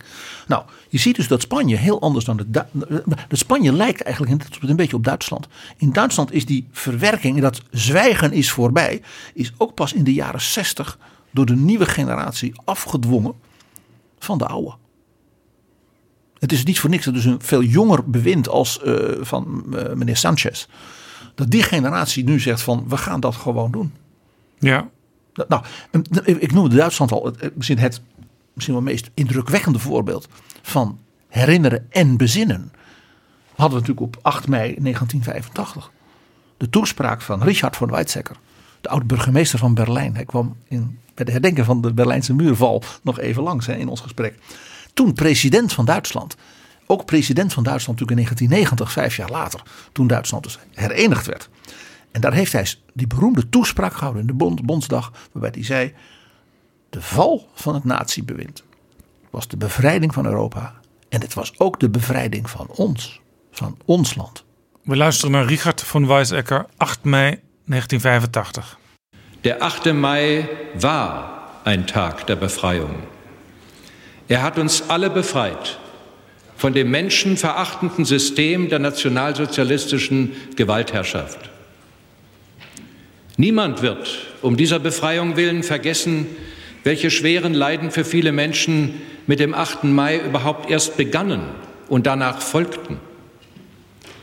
Aber wir dürfen nicht im Ende des Krieges die Ursache für Flucht, Vertreibung und Unfreiheit sehen. Sie liegt vielmehr in seinem Anfang.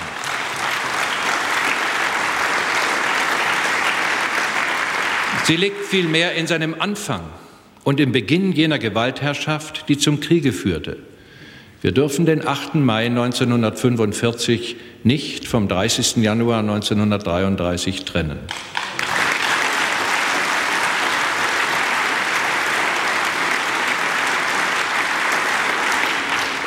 Wir haben wahrlich keinen Grund, uns am heutigen Tag an Siegesfesten zu beteiligen.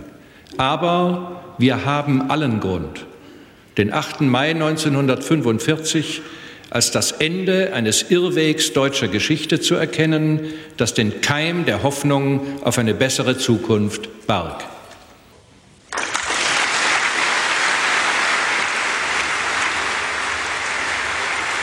Dat was op 8 mei 1985 de Duitse bondspresident Richard von Weizsäcker. Prins Klaus was zo aangegrepen. Hij was natuurlijk een jonge Duitser geweest in die oorlogsjaren. Door deze toespraak. Hij begreep hem zo diep dat hij er gevraagd heeft, en dat is gebeurd, dat deze toespraak in het Nederlands is vertaald. En ik geloof aan alle scholen of iets dergelijks. Nou, dat zegt dus iets. Dan Ja. zag je dus een president die zei: Wij gaan.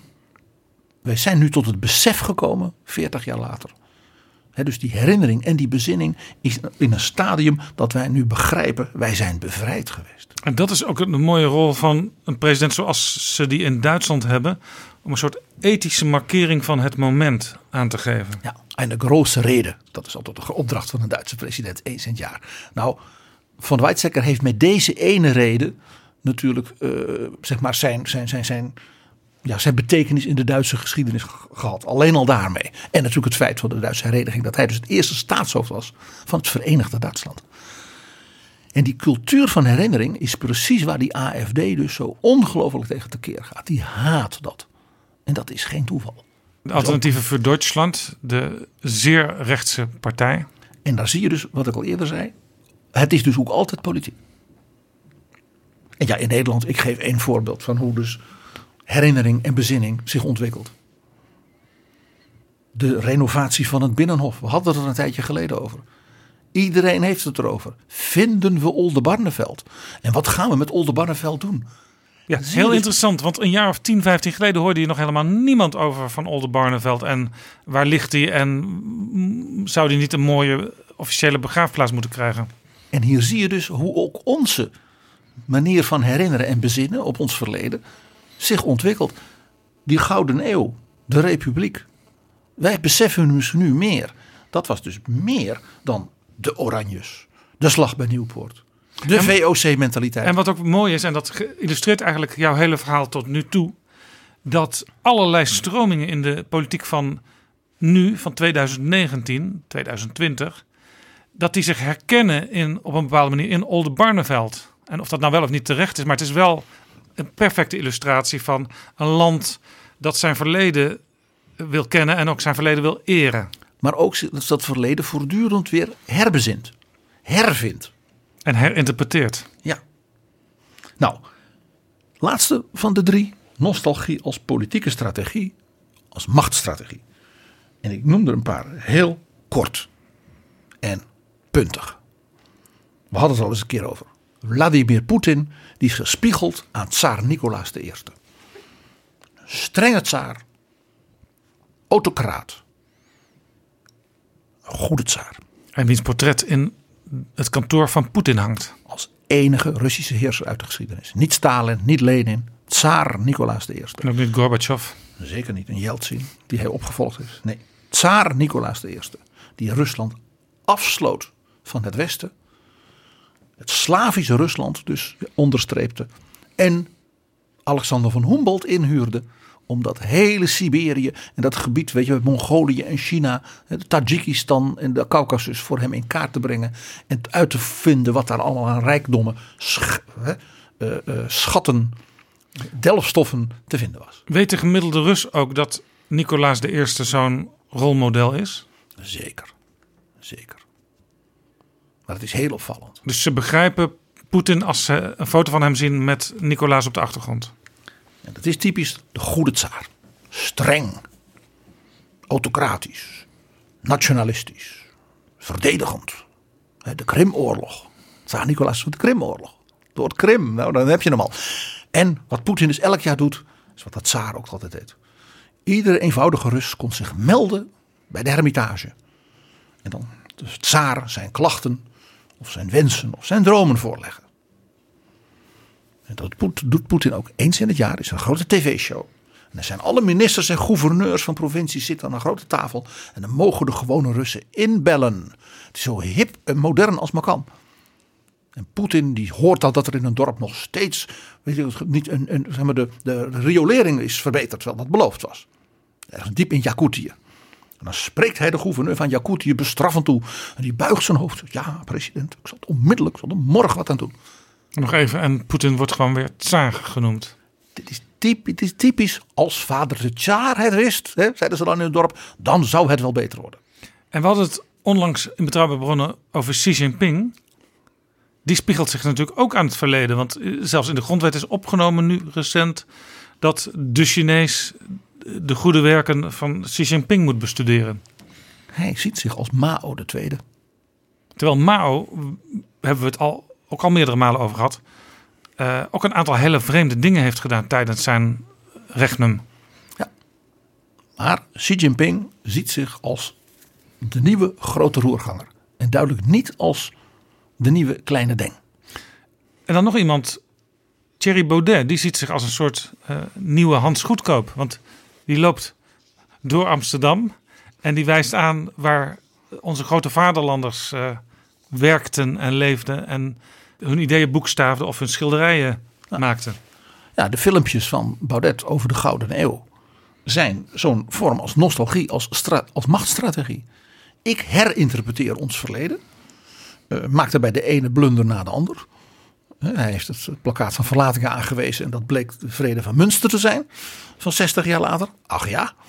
Uh, maar dat doet er niet toe. Who cares? Een soort, soort hutspot van het verleden. Het gaat erom dat je dus dat gebruikt om jouw beeld van politieke macht uit te stralen. Dit is inderdaad de gouden eeuw terugbrengen zoals dat gebeurde in het oude Rome en Griekenland. En ja, Annie Schreier, Europarlementariër van het CDA, over onze boeren. Onze boeren. Een soort, soort beeld van boeren alsof dat iets uh, is wat vaststaat en waar geen dynamiek in zit, waar niks verandert. Uh, de boeren van toen zijn de boeren van nu en zijn de boeren van de toekomst. Ja, mag niks veranderen. Dat de wereld verandert. Dat de klanten van die boeren veranderen. Dat een boer in Nederland tegenwoordig, laat ik zeggen, zeker de Nederlandse boer, zeg maar tot de top van de agrarische technologie behoort. Ja, extreem innovatief. Nederland is het absolute wereldcentrum van de, eh, de veredeling van zaden en kiemen. Als we nou eens even... ze nooit over. En dat is, maar, maar dat projecteren, onze boeren die moeten worden verdedigd. Dat is ook precies is een beetje, ja ik zeg het wat ondeugend. Maar het is een beetje tsaar Nicolaas en Poetin. Maar dus heel duidelijk hier uh, grote voorbeelden, kleine voorbeelden, nostalgie als strategie. Ja, nou, wat, wat, wat is daarin gemeenschappelijk? Of het nou Xi Jinping is, of Baudet, of Annie, of Annie en Vladimir. Bien étonné de se trouver ensemble, zoals dat in het Frans dan heet. Eén, het is symbolisch handelen. Het is, het is werken met symbolen.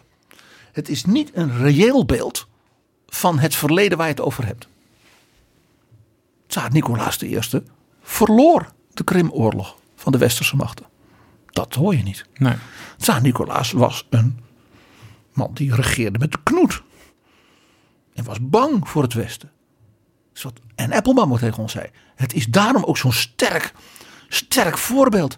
Want Poetin is in feite heel bang voor de jongeren in de Oekraïne.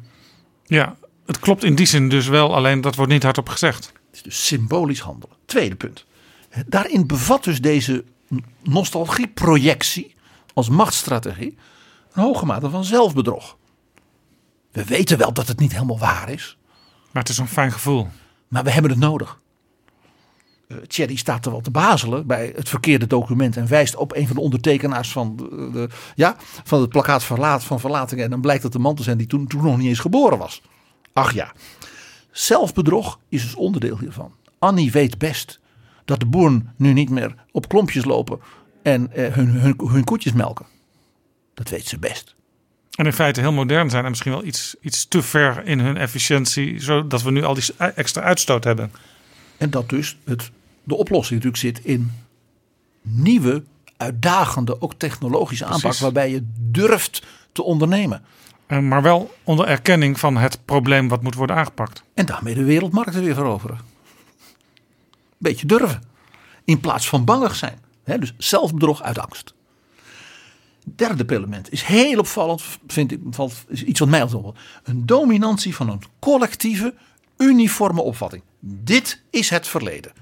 Geen nuances, geen vragen, niet zeggen het is gelaagd.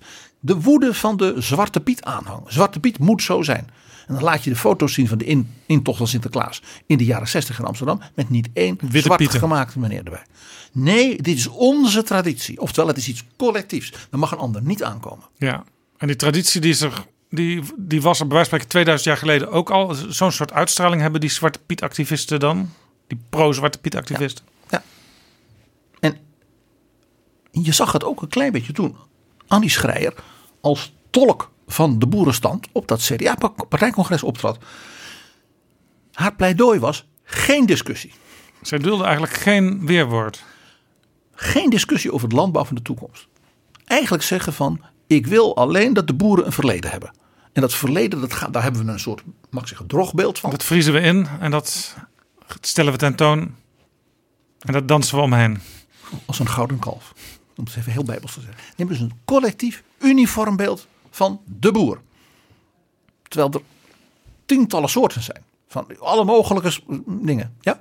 80% van de boeren, een heel recent onderzoek, zegt wij willen heel graag die volgende stappen doen.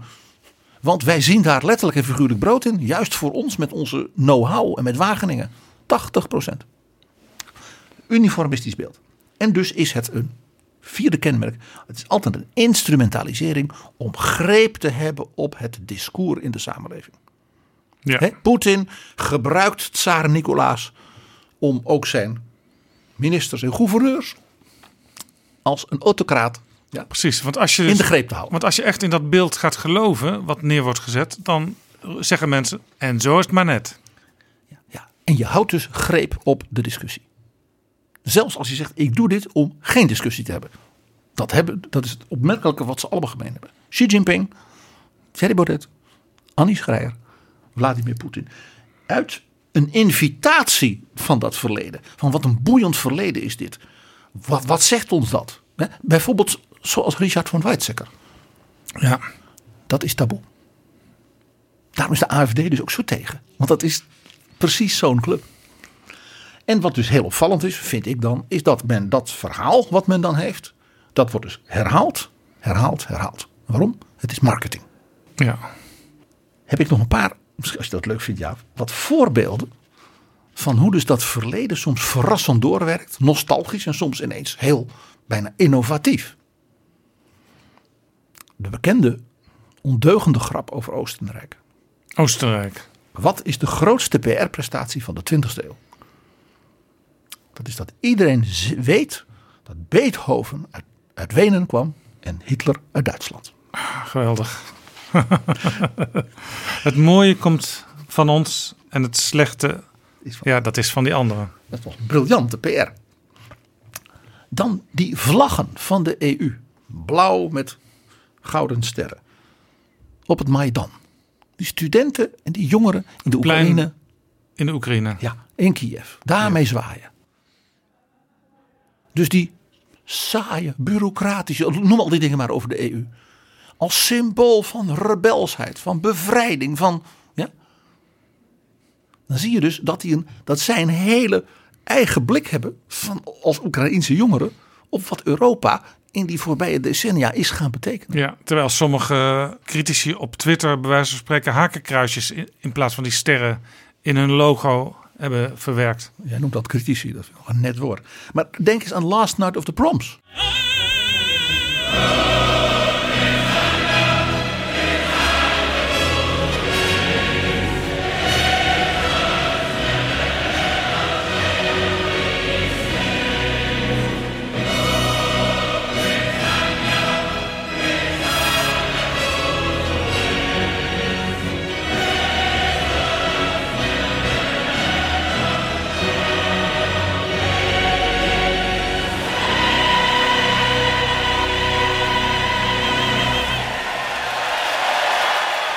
Het overgrote deel van de vlaggen is EU-vlaggen. En Ja. buiten staan ze ze uit te delen. Vroeger, waren het de, de Britse vlaggen en de Engelse en de Schotse vlag.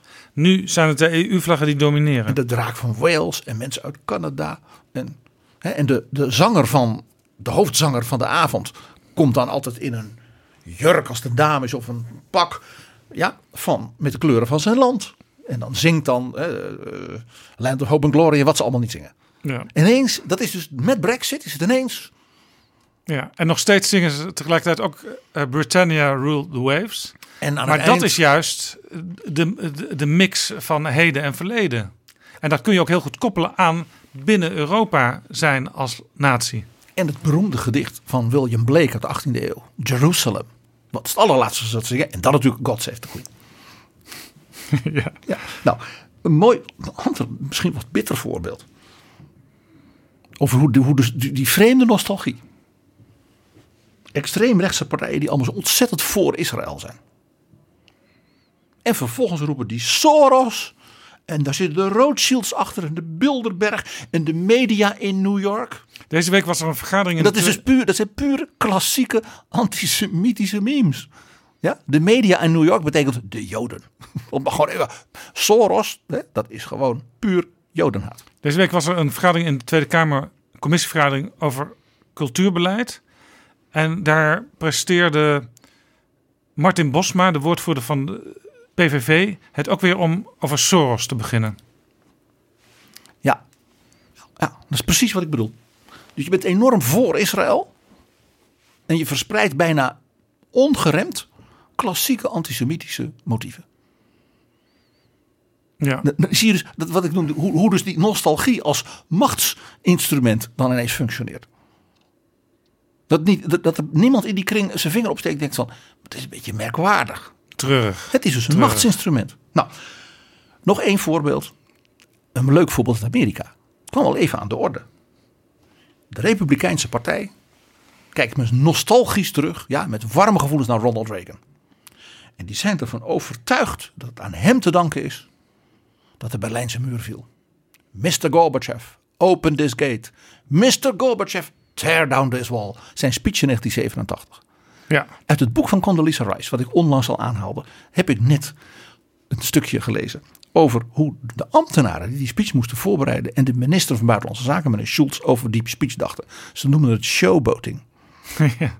Ze Effectbejag. ja, Reagan heeft later aan Gorbachev gezegd, dat was misschien wel helemaal niet verstandig, want ik maakte het voor u eigenlijk alleen maar moeilijker om dat te doen. Ja, want dan, Ik had dat misschien niet moeten als doen. Gorbachev snel zou handelen, dan zou hij dus meteen doen wat Reagan van hem vroeg.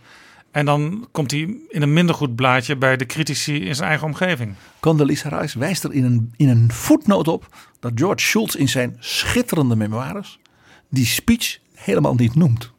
En die memoires zijn toch 1100 pagina's dik, dus hij had tijd genoeg. Dat is wel heel vreemd, ja. Dat zegt iets. Ja.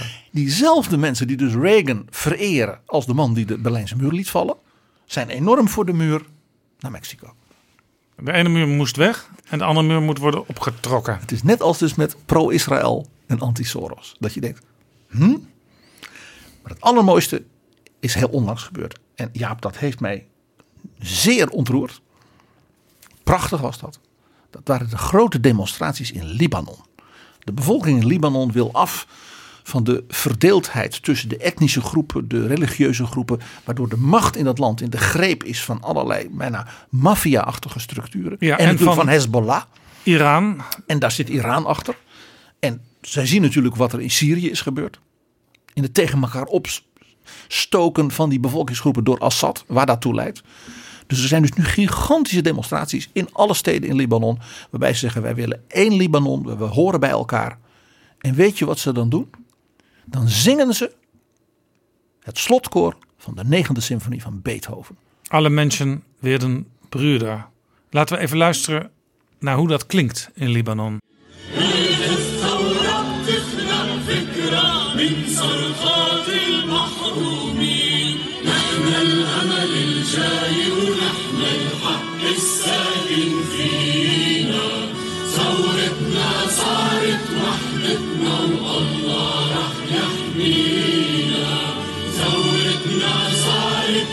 وحدتنا والله رح يحمينا ثورتنا صارت وحدتنا والله رح يحمينا Libanese demonstranten zingen wat wij wel zien als het Europese volkslied. En dat is een gedicht van Friedrich Schiller. De vriend van de gebroeders Humboldt. De vriend van Goethe. En dan zijn we weer terug, net als toen we het over Alexis de Tocqueville hadden. In die bijzondere periode van tussen 1770 en zeg maar 1830. Die generatie die dus blijkbaar ook nu weer, ja, 200 jaar later, mensen de woorden geeft om hun diepste verlangens hun emoties en hun droom te vertolken.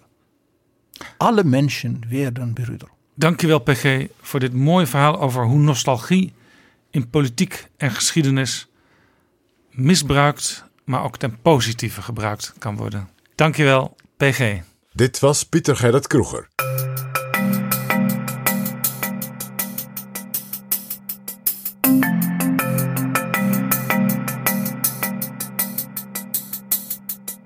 Zo, dit was Betrouwbare Bronnen aflevering 65. Voor het eerst opgenomen in de nieuwe studio van Dag en Nacht Media in Amsterdam. Betrouwbare Bronnen is in gesprek met een aantal potentiële sponsors en adverteerders. Heeft u ook interesse om een korte of lange relatie met ons aan te gaan? Neem dan contact op met Flip Kilian Adams. Dat kan door een kort mailtje te schrijven aan flipapenstaartdagennacht.nl. Dan neemt hij contact op met u en helpt u Betrouwbare Bronnen mogelijk te maken. Flip apenstaartdagennacht.nl. En dan nog een dienstmededeling. Aflevering 66 van Betrouwbare Bronnen verschijnt hoogstwaarschijnlijk iets later dan je gewend bent. Maar dat wordt dan ook wel weer een bijzondere aflevering. Tot dan! Betrouwbare bronnen wordt gemaakt door Jaap Jansen in samenwerking met dag en nacht.nl.